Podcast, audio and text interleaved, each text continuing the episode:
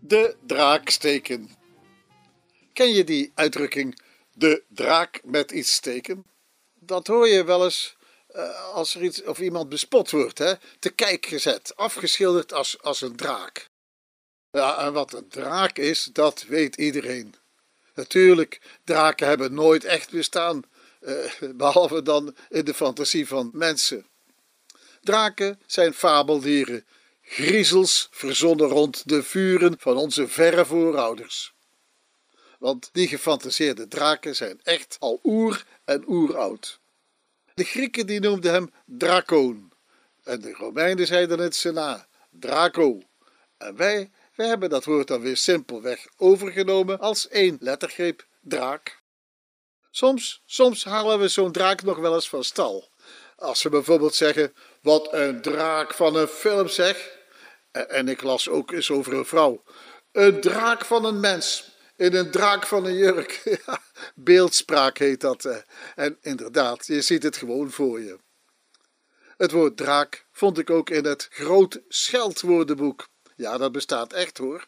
En daar las ik bij het woord draak lastig, onuitstaanbaar persoon, twistzuchtig mens, engert. Vaak, zo zegt de schrijver, vaak gaat het om een lelijk iemand. Het woord is niet uitsluitend van toepassing op vrouwen. ja, kijk zeg, niet uitsluitend. Nou, dat ligt het toch niet om, hè? Zo'n draak was natuurlijk niet te weerstaan, laat staan, verslaan. En het is dan ook geen wonder dat de Noormannen van duizend jaar geleden hun oorlogsschepen uitrusten met een lange nek en daarbovenop een drakenkop. Draken noemden ze hun schepen en vanzelfsprekend waren ze zo de meesters van de draken, de drakenrijders, en, en dat maakte ze al bij voorbaat onverslaanbaar. Maar hoe komen wij dan aan de uitdrukking de draak steken? Nou, dat is het mooie verhaal van Sint Joris en de draak. Er was eens een prins van Cappadocië, tegenwoordig midden in Turkije. En die prins was de heilige Georgius. Zijn naam betekende boers. En in Cappadocië hield in der tijd een vreselijk monsterhuis, een echte draak. En die had het vanzelfsprekend gemunt op de dochter van de koning, ja. En je raadt het al. Georgius versloeg de monsterachtige draak gewoon met zijn degen. En dat viel dus nog mee. Maar of hij voor zijn heldendaad de dochter van de koning cadeau kreeg, dat vermeldt het verhaal niet. En er was nog een mooiere versie in omloop. Sint Joris kwam in een stad Silena in het huidige Libië. En daar woonde een draak in het meer. De stedelingen offerden elke dag twee schapen aan het monster. En toen de voorraad schapen bijna op was, toen offerden ze ook elke dag één schaap en één kind aan de draak. Nou, dat ging natuurlijk goed, tot de dappere dochter van de koning zelf aan de beurt was. En zij wilde zelf naar de draak gaan. En onderweg ontmoetten ze Sint Joris. Wel, daar kwam de draak zelf uit het meer. En Joris verwondde het beest. Hij liet de koningsdochter haar gordel om de nek van het dier gooien. En dat lukte haar nog ook. En zo, met de draak aan de gordel, trokken ze naar de stad.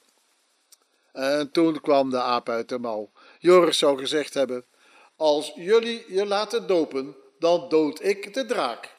Nou, die macabere keus was gauw gemaakt en de stad bekeerde zich stand te peden tot het christendom. En Joris, Sint Joris won met gemak. Zulke daadkrachtige heiligen en prinsessen zul je tegenwoordig zelfs met een kaarsje te vergeefs zoeken. En hetzelfde geldt trouwens ook voor draken. Wel, die uitzonderlijke heldendaad was in de middeleeuwen het symbool voor het verslaan van allerlei monsters, spoken en andere onverklaarbare gebeurtenissen die voor het gemak werden samengevoegd tot Satan, niemand anders dan onze aardsvijand, de satanische duivel. Wel, Sint Joris benutte niet alleen zijn bovennatuurlijke krachten, maar ook de handelsgeest die de heidenen bekeerde tot het enige ware geloof. De naam Georgius verbasterde tot Gregorius, en die naam sleet af tot namen als Gregor, Jurjen en zelfs Sjors. Plus natuurlijk de oer-Nederlandse naam Joris, Een naam die na 1970 ineens enorm populair werd, maar die een generatie later langzamerhand ook weer snel uit de mode raakte. Ja, ja, zo werkt de mode nou eenmaal. Al gauw werd de strijd tussen hel en hemel nagespeeld in het verhaal van Sint Joris en de draak. En het werd natuurlijk een ongelijke strijd met eeuwenlang altijd maar één winnaar, de goeie. En bij veel processies versloeg Sint Joris onderweg na een schijngevecht een drakerige draak. In sommige plaatsen leidde de ongelijke tweekamp tot een overwinningsfeest. In Nederland zijn er ook nu nog dorpen waar het verhaal van Sint Joris en de draak nagespeeld wordt op groot formaat. In het Brabantse dorp Bezel bijvoorbeeld is het draaksteken uitgeroepen tot een immaterieel erfgoed. Ja, daar wordt nog steeds elke zeven jaar de draak naar behoren neergestoken. En in 2023 kun je zelf ook meedoen met een groot feest waar heel Bezel met volle overgave aan meedoet. Prachtig hoor, prachtig. Maar hoe komen wij dan aan die negatieve betekenis van de draak steken met iemand of iets? Nou, dat is niet zo moeilijk. Bij die processies en spelen was de duivelse draak natuurlijk eh, met stro gevuld en vaak een allerminst vreeswekkende verschijning. En al gauw werd de draaksteken meesmuilend gebruikt voor wat wij nu in goed Nederlands nep zouden kunnen noemen. Boerenbedrog, doorgestoken kaart. Ja, zulke draken die kun je ook nog wel met een, een tafelvorm afmaken. Nou, onze taal is een wonderbaarlijk werktuig waarin dezelfde woorden steeds andere betekenissen en associaties kunnen aannemen. Een machtig werktuig. Daar kun je maar beter niet uh, uh, uh, de draak mee steken. Ja, ik dank u wel.